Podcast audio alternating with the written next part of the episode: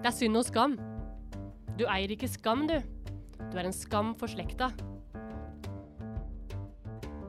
Velkommen til Amnestys podkast Megafonen. Jeg heter Ina Strøm, og ved siden av meg sitter min kollega Lene Christensen.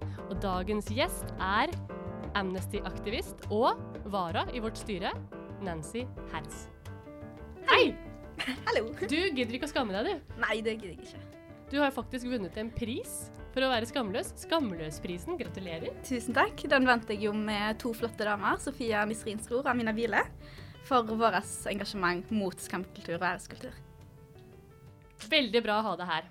Lene, du har kjent uh, Nancy lenger enn meg. Ja, du, jeg ble jo kjent med deg egentlig først i 2013. Det er tre år siden, og da hadde jeg hørt rykter om deg. Om din, ja, det hadde Ryktene gikk fra Haugesund og helt til hovedstaden om denne unge aktivisten på Vestlandet.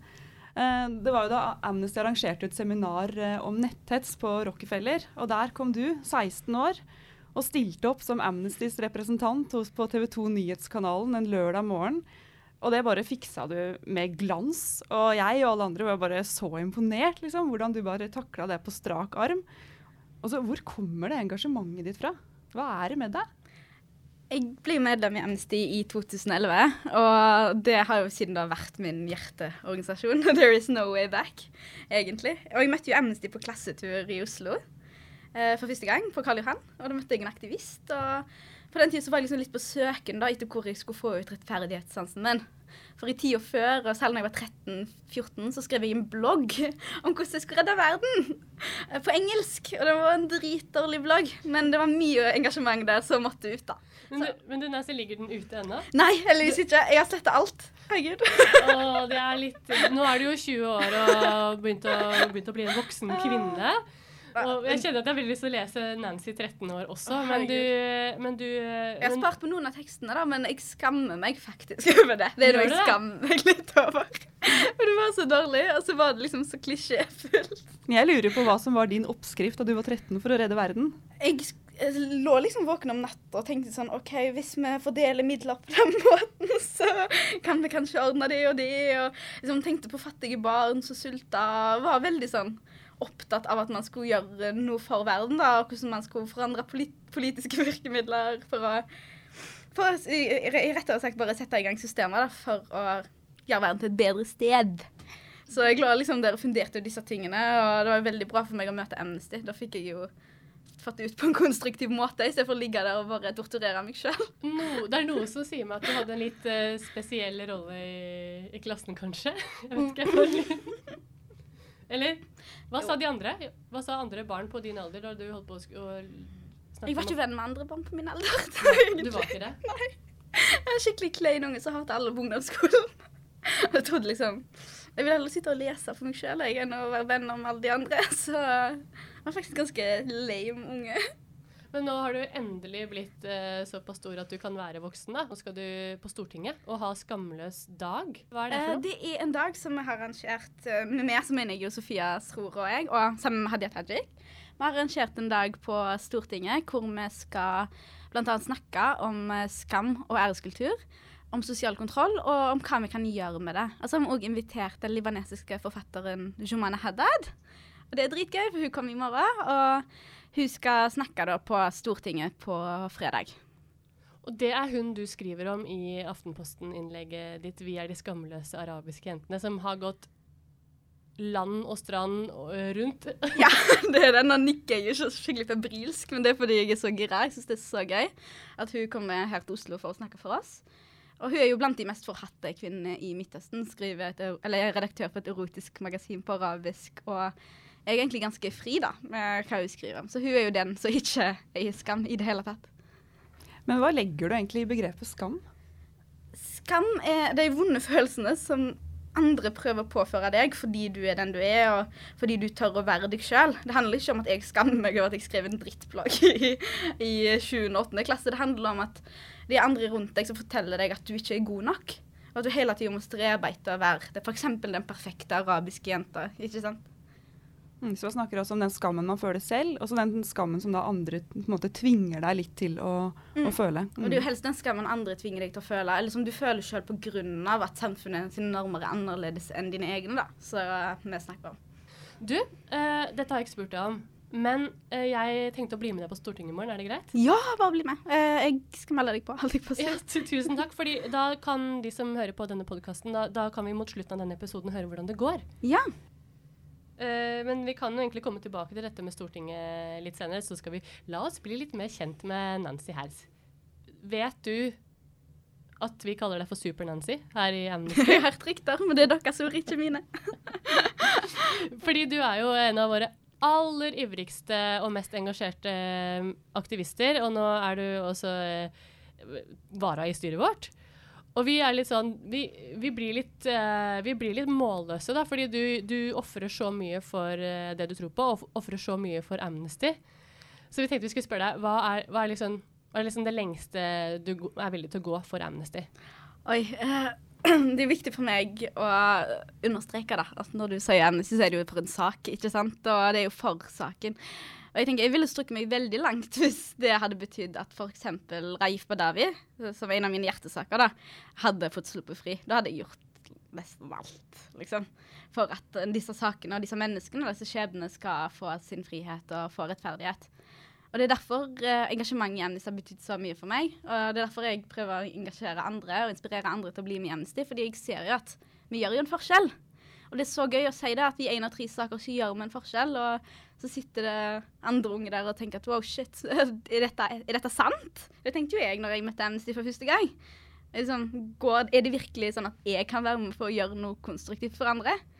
Så Amnesty er jo blant de organisasjonene som jeg føler at virkelig gjør en positiv endring, og jeg ville strukket meg veldig langt. Dette er jo musikk i våre ører. Men altså, hvis du hadde blitt invitert på en date, da, og så var det et styremøte samme, kveld, og det var bare den ene sjansen du hadde Nei, vet du hva. Eh, nå er ikke jeg så veldig opptatt av eh, dater. De kommer jo og går. Ja. Hva? det det, det syns jeg er litt dritt. For eh, landsmøtet i år så går jeg på bekostning av favorittbandet mitt fra Libanon, Meshua Leila. De i Oslo. I Norge for første gang ever. Jeg har villet sett dem de siste fem årene. Og jeg er på landsmøte i stedet. Og da ble jeg faktisk litt lei meg, men jeg føler det er verdt det. Du møter så mange engasjerte mennesker som bryr seg om akkurat de samme sakene som du gjør. Det er jo ingenting så kulere enn det. Men du, er det sant at du skal bli generalsekretær i FN? Jeg har sagt litt av hvert, jeg. Skal du bli Nei, det- sjefen vår først, eller tar du den generalsekretærjobben der i FN først? Nei, For meg er det viktig å i hvert fall få en jobb der jeg kan være med å påvirke, være med å gjøre en forskjell hele tida, da. Og det er det Før så har jeg jo sagt sånn bastante ting. Skal gjøre det, skal gjøre det. Men så har jeg faktisk innsett, da, nå som jeg er nesten voksen, at uh, det er jo ikke målet som er det viktigste, det er jo det du gjør underveis. Det er jo liksom det at du kan være med å bidra til at verden blir et litt bedre sted hver dag, da. Hva med, stats, ja, hva med statsministre? Nei, det, det får vi se på, holdt jeg på å si. Det er mange dyktige folk der ute så kunne blitt statsminister bedre enn meg. Ja, usikker på det. Tusen takk.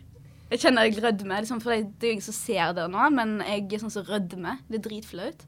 Jeg blir sånn helt rød og tenker sånn Å, shit, dette var skikkelig hyggelig Det er faktisk helt sant. Uh, Super-Nancy rødmer. Er, du er jo Super-Nancy. Du har jo vært kjendis eh, her i Amnesty lenge. Og nå har du blitt rikskjendis òg. Du skrev eh, i Aftenposten at du ville slå et slag for den skamløse arabiske skråstrek muslimske minor- minoritetsjenta. Som til tross for fordommer, hat, trusler og fysisk vold trosser samfunnet rundt seg og bryter grenser. Jenta som ikke lar seg begrense av konsepter som skam, ære og fordommer. Og vår tid er nå. Yes, det skrev jeg. og det var mine ord, og jeg var dritsint. Jeg var på vei til regionsmøte til Amnesty faktisk i Kristiansand på toget. Så fikk jeg låne PC-en til hun som var regionsleder, for iPaden min bestemte seg for å klikke. Uh, og så skrev jeg dette innlegget, da, og sendte det meg sjøl på mobilen. Og sendte det til Aftenposten, og så That's how the magic happened. Yes. Og grunnen til at jeg skrev det, var jo at jeg var så forbanna. Jeg hadde nettopp lest om Fatima Hosseini, som hadde, fortalt i A-magasinet at hun hadde opplevd for trusler og blitt skikkelig sånn diskriminert da, av at hun f.eks. håndhilser på menn pga. at hun er den hun er, kler seg som hun gjør. Og at folk, i stedet for å fokusere på hva hun faktisk gjør for saken som hun jobber med eh, for eh, kampen mot ekstremisme, så fokuserte de på hvem hun var som person, og hun fikk mye hets for det. da. Så tenkte jeg at i hverdagen, hvis vi tar dette til en litt sånn mindre skala, så opplever de fleste, ikke bare minoritetsjenter egentlig, eller bare jenter, men mange opplever det hver dag, at de blir begrensa av samfunnet sine normer, av hvem samfunnet mener du skal være i forhold til den du er, da. Og det gjør meg forbanna, så måtte jeg skrive dette. Hva tenkte du da, da ting begynte å ta av? Jeg tenkte først og fremst at det er kjempebra for saken, og dette er jo ikke en ny sak. Eh, det er kanskje et nytt begrep å kalle det for skamløs og ikke eie skam, men eh, det er jo ikke en ny sak. Det er mange som har tatt denne kampen før oss, og det er jo mange tøffe damer som har stått på barrikaden og sagt at vi, f.eks. jenter som ser ut som meg sjøl, som kommer fra en minoritetsbakgrunn, har mørkt hår og er tydelig ikke etnisk norske, da, skal kunne leve fri liv i Norge òg, og slippe å gjemme seg når de ser en taxi fordi de er redd for at taxisjåføren skal sladre til en onkel som kjenner en onkel som kjenner en pappa, liksom. Uh, og det er jo sånn det ofte er i noen av disse miljøene. Uh, og så tenker jeg at det er så viktig at man står opp for seg sjøl og sier at det er ikke greit. Hva slags reaksjoner har du fått? Jeg har fått litt av hvert. Det har både vært sånn type Du er skamløs. Så tenker jeg takk, det er jo akkurat det jeg skriver om meg sjøl. Uh, og, og positive reaksjoner. Uh, og jeg har liksom både blitt kalt hora og litt av hvert. Og så har, jeg fått veldig veldig mye støtte. Og det er veldig veldig kjekt, fordi når du sitter hjemme og leser kommentarfelt, så er det veldig lett å høre liksom bare de triste tingene og bare få med deg drittet når det meste av kommentarene er greie kommentarer. Så jeg syns det er veldig stas at, at, det er mange som har liksom gått eh, så langt som f.eks. sender meg meldinger på telefonen og sier snille ting. Og, ikke, ikke, bare på Facebook, men også liksom, sender meg en SMS og eh, sier liksom, Vi støtter saken, vi støtter deg face to face. da. Men klarer, du, men klarer, du, det? Å lytte til de tilbakemeldingene og legge litt vekk alt det andre grumset som kan dukke opp av kjølvannet av en sånn kronikk? Jeg er et sånt elendig menneske av og til som uh, ikke klarer det. Men uh, jeg har, begynt, jeg har slutta å ta telefonen uten å vite hvem det er.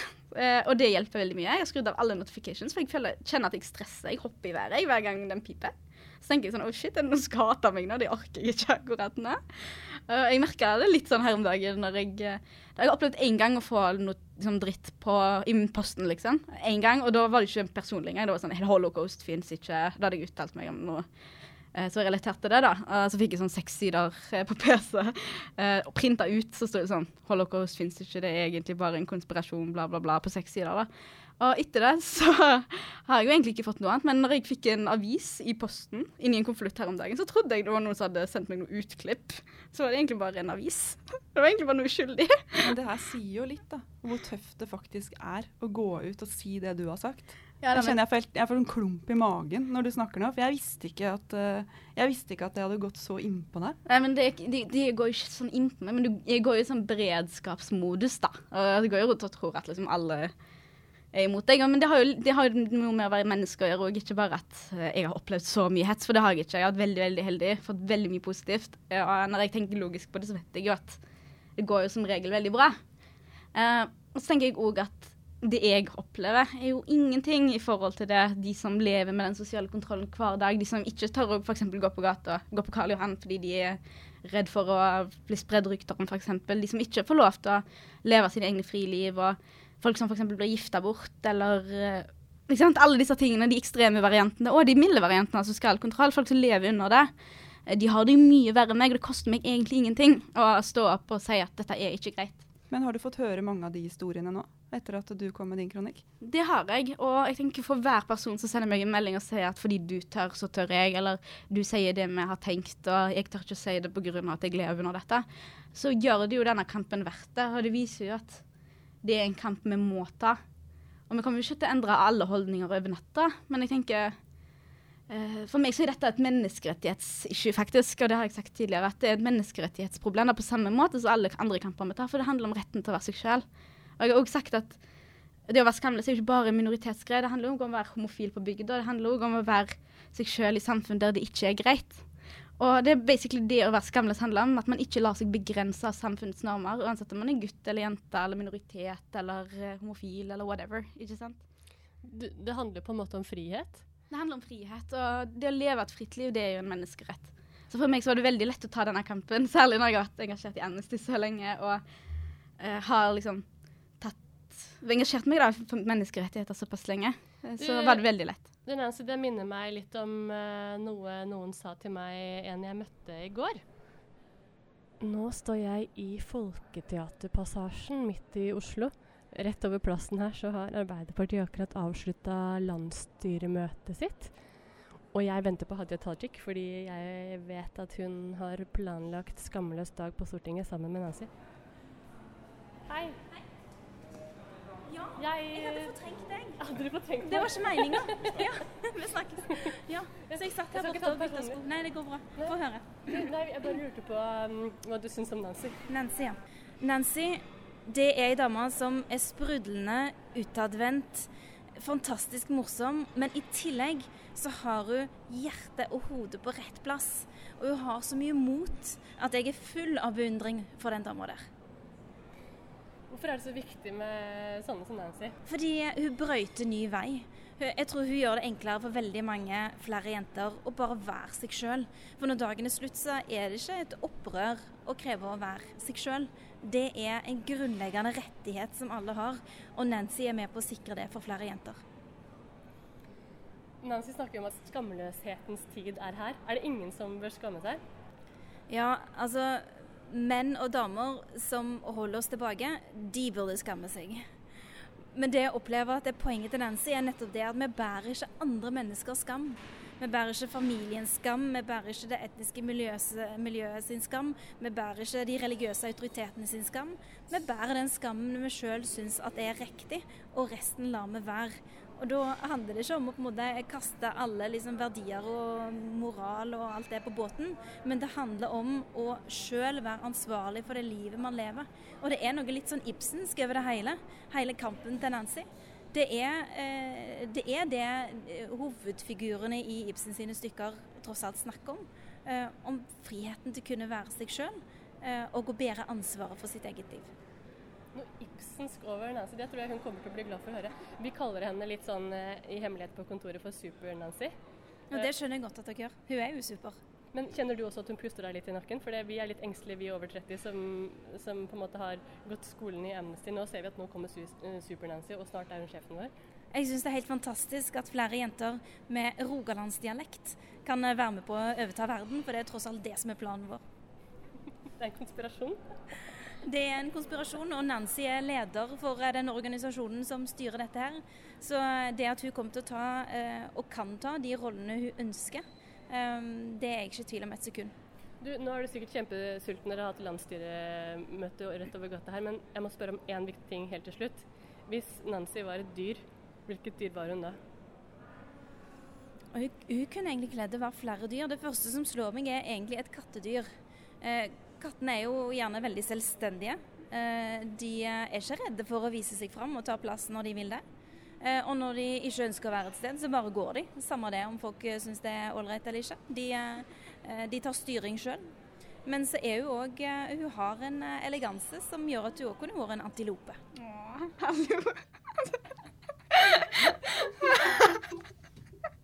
Det kjenner jeg blir litt sånn satt ut, jeg. Herregud. Bare høre stemmen briste, liksom. Å, det var veldig, veldig fint sagt, da. Herlighet. Er hun litt for forbilde, eller? Eh, ja, hun har jo vært det veldig lenge. Og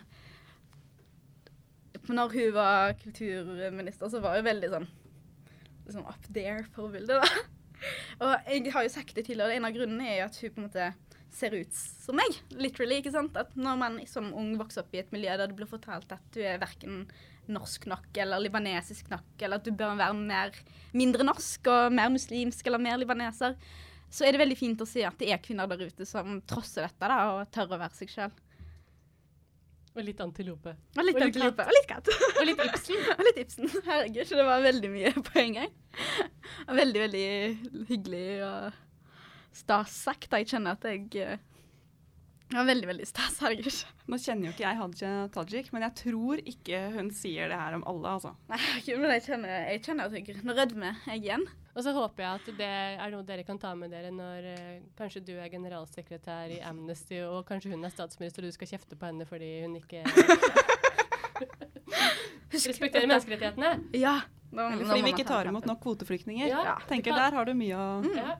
Ja, vi har, eh, vi har mange Nå har vi det på eh, recording. Nå har vi på the recording, og da vet vi at det er på en måte grunnleggende god, god stemning, og at her kan vi få, få til mange gode samarbeid. Det er et par år igjen. Du skal gå litt på skole og Jeg skal sånn. gå litt på skole og sånn. Men aller først så skal du også til Stortinget og tale i Stortinget. Stortinget. nei, det, blir- det er veldig stas, for nå skal vi ha denne her skamløse dagen. Eh, og eh, sammen har vi fått uh, Jumana Haddad, som jeg nevnte tidligere, til å komme til Oslo og snakka bl.a. om sitt eget engasjement og mange av de tingene som hun skriver om, som hun har blitt uh, veldig hata for. da. Hadia kommer til å være der. Uh, Namra Salim, som nettopp ga ut boka 'I morgen vi ler', som handler om dette temaet, skal ha konferansier. Og vi skal både ha uh, noen innledninger og et bitte lite panel da, med både Jumana og Hadia. Hallo. Hallo. Har du funnet ut hva du skal si da? Ja, jeg har det. og det aller viktigste er jo at en dag som denne er det ikke her vi tar de store kampene, men jeg tenker at det er så viktig å vise at det er mulig. Og så viktig å vise at det ofte er mulig uten altfor alvorlige konsekvenser. Så tenker jeg at vi som kan gjøre dette uten at vi opplever det verste da, som man kan oppleve, vi må gjøre det, vi har jo en plikt til det. Eh, For å vise at vi kan leve livene våre som vi vil, eh, bare for å ta det så banalt, så viser vi at det er mulig, og at andre kan gjøre det samme. da. Skal vi gå inn? Er du klar? Ja, det er, jeg Er du ikke, er du ikke litt grann spent engang? Jeg er veldig spent, men jeg eh, har slutta å bli så nervøs, faktisk. Det er så mye heiser her, så jeg klarer ikke alltid å huske hvor alle er og hvor alle går. Hente. Men du er du også med den hemmelige konspirasjonen av Rogalandsjenter skal ta over verden, som, har, som Hadia mener at Nancy leder?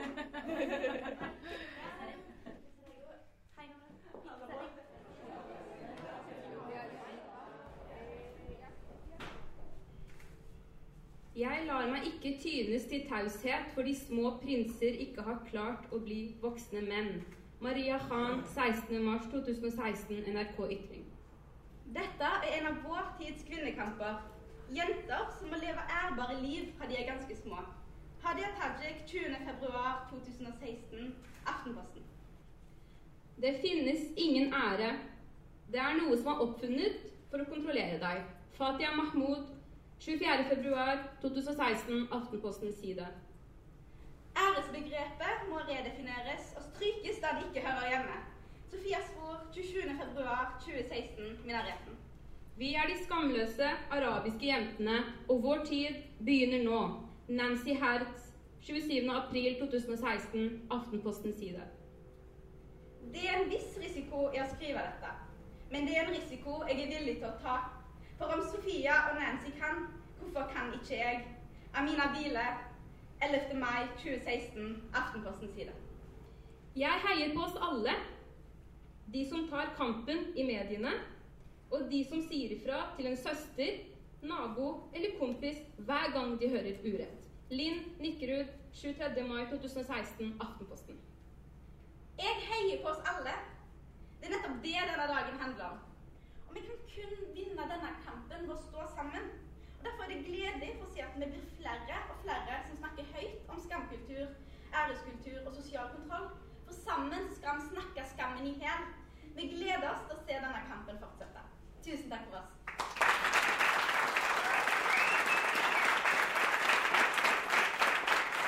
Hva håper du en sånn skamløs dag vil føre med seg? Det jeg håper, er jo først og fremst at vi når ut til flere unge jenter. For det er jo de som må ta eierskap i sine egne liv. Det er jo ingen som kan komme overfra og ned og si at hei, vi skal komme her og frigjøre deg og redde deg og eh, forandre livet. Det er jo ikke det det handler om. Det handler jo om at vanlige mennesker skal ta kontrollen i sitt eget liv. De skal eie sine egne liv. De skal eie, kunne eie sine egne valg. da. Den viktigste kampen skjer jo ikke i media. Den skjer jo på sånne arenaer. Den skjer hjemme. Den skjer blant unge jenter som snakker med hverandre og ikke på, påfører hverandre skam. For det verste jeg opplever, er jo at Uh, jeg f.eks. er redd for min irakiske venninne. For jeg er redd for at hun skal tenke at jeg er ei hore, f.eks. hvis jeg sier at jeg drikker alkohol. Eller at jeg uh, ikke er et godt nok menneske pga. det. Og jeg har snakket med mange av mine venner som har minoritetsbakgrunn om det. eh, Og vi har jo funnet ut at egentlig så går jo alle rundt og er redd for hverandre.